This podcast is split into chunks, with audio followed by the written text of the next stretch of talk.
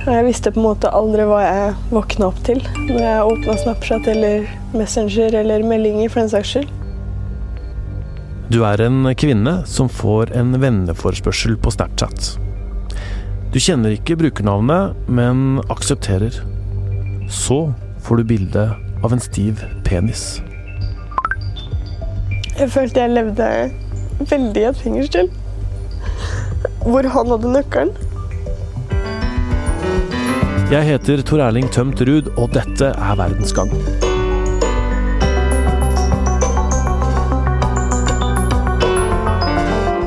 Da Madeleine var 15 år, starta det. En kompis av noen i familien hennes la henne til på Snap. Hun fikk en forespørsel fra brukernavnet 'Syns du den er stor?'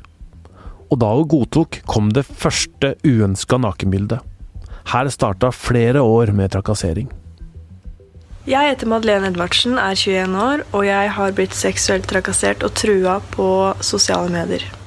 Madeleine er en av mange kvinner som har blitt seksuelt trakassert på Snap. VG har vært i kontakt med 36 jenter som hevder de har vært utsatt for digital blotting av den samme mannen. Ah. Går det bra? Det var ikke noe gøy. Jeg visste på en måte aldri hva jeg våkna opp til når jeg åpna Snapchat eller Messenger eller meldinger for den saks skyld. Og så pleide han å ringe meg natt og dag, så jeg måtte bytte nummer til slutt. Og det var vel egentlig det å leve i konstant frykt og ikke vite. Jeg mista tilliten til veldig mange. Både det å snakke med folk, og gi ut nummeret til folk. Um, være åpen på sosiale medier. Jeg følte jeg levde veldig i et fingerspill. Hvor han hadde nøkkelen.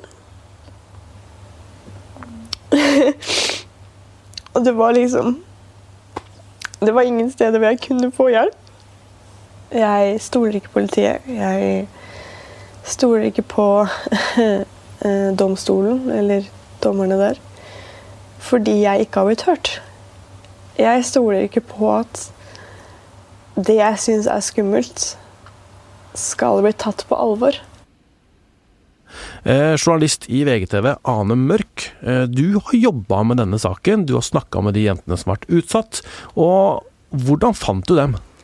Eh, det starta med at eh, de, en av de i den For de har oppretta ei Facebook-gruppe da, der rundt 70 jenter har samla seg. Ei gruppe som de kaller for Nok er nok. Eh, der de på en måte snakka om digital blotting og ting de har vært utsatt for, og deler eksempler. Så var det noen i den gruppa som tok kontakt med en av mine medreportere eller journalister, Håvard Kristoffersen Hansen.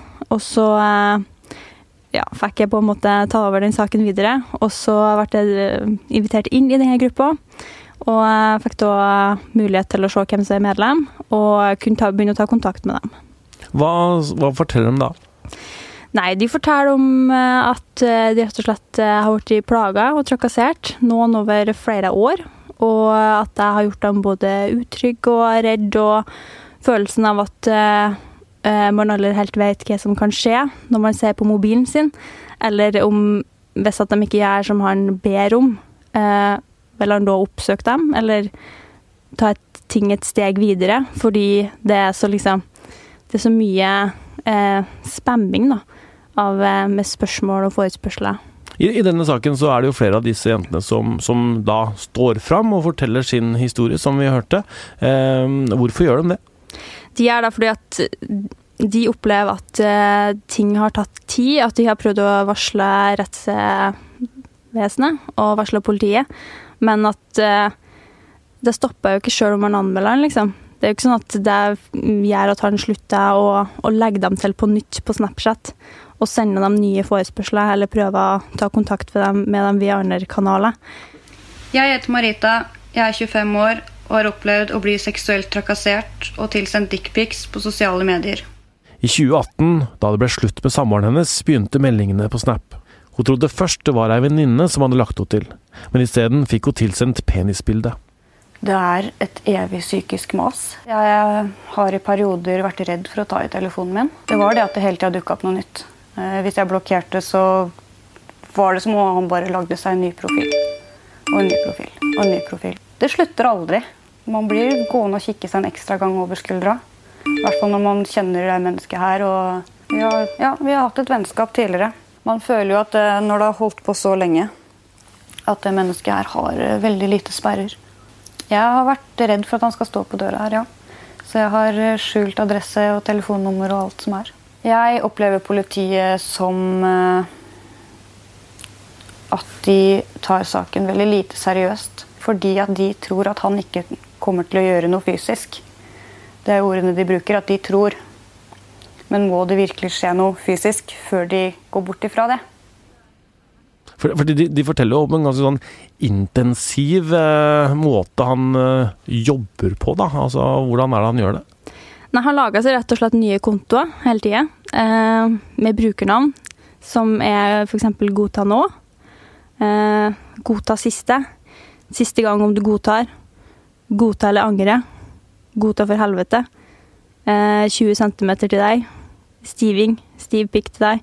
Dette er brukernavnet? Det er brukernavn. Mm. Så når du får varsel om at noen har lagt det til på Snapchat, så kommer de her opp, da. Mm. Og det er på en måte, det er jo som å få et budskap. OK, godta nå eller angre. Hva, hva, skjer, altså, hva skjer hvis jeg ikke godtar, da? Hva er det blir å angre på? Og det er på en måte den følelsen han har skapt hos dem, da. Og hvis du da godtar, da? Hva skjer? Nei, eh, det, det, er litt forskjellig. Som regel, eh, noen ganger kommer det et dickpic. Eller så kan han ha sendt et dickpic tidligere, og da vil han egentlig bare ha nye svar på hva du synes om penisen hans. Mm. Han vil ha en slags tilbakemelding på deg, og det gjentar seg. Er den liten? Er den stor? Er den tjukk eller tynn? Syns du den var liten? Vet du om noen som er liten?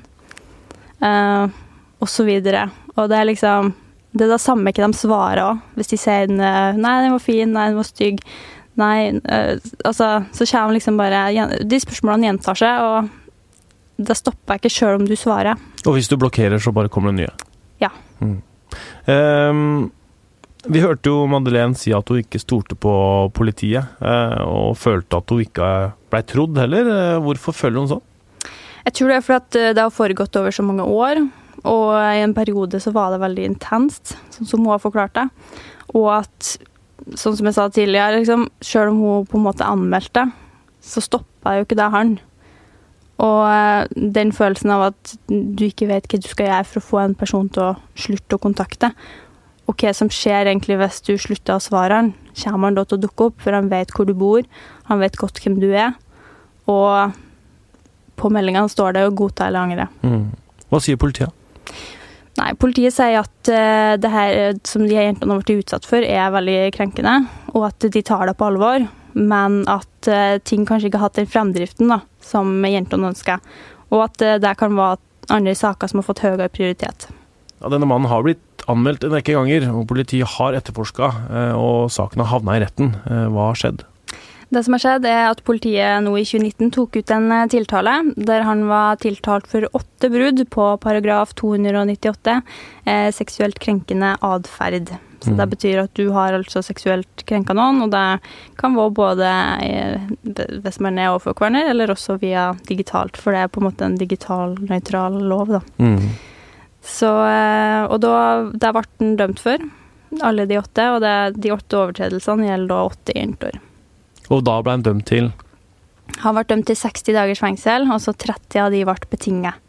I tillegg så var det inndragelse av eh, et par mobiler og eh, noen harddisker og en PC.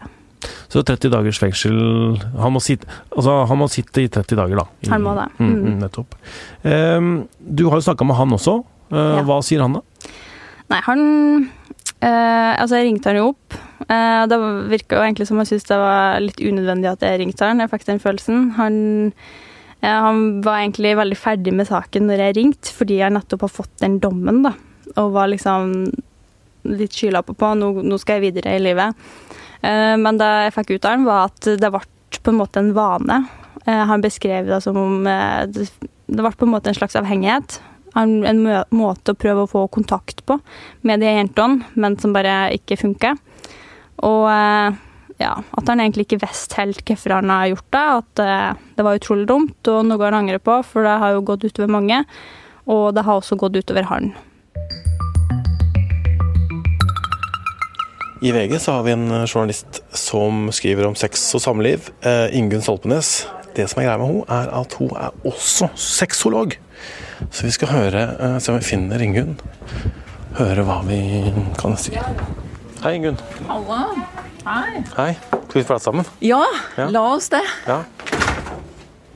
Ok, Ingunn. Eh, hvordan føles det eh, å få sånne type bilder rett på mobilen?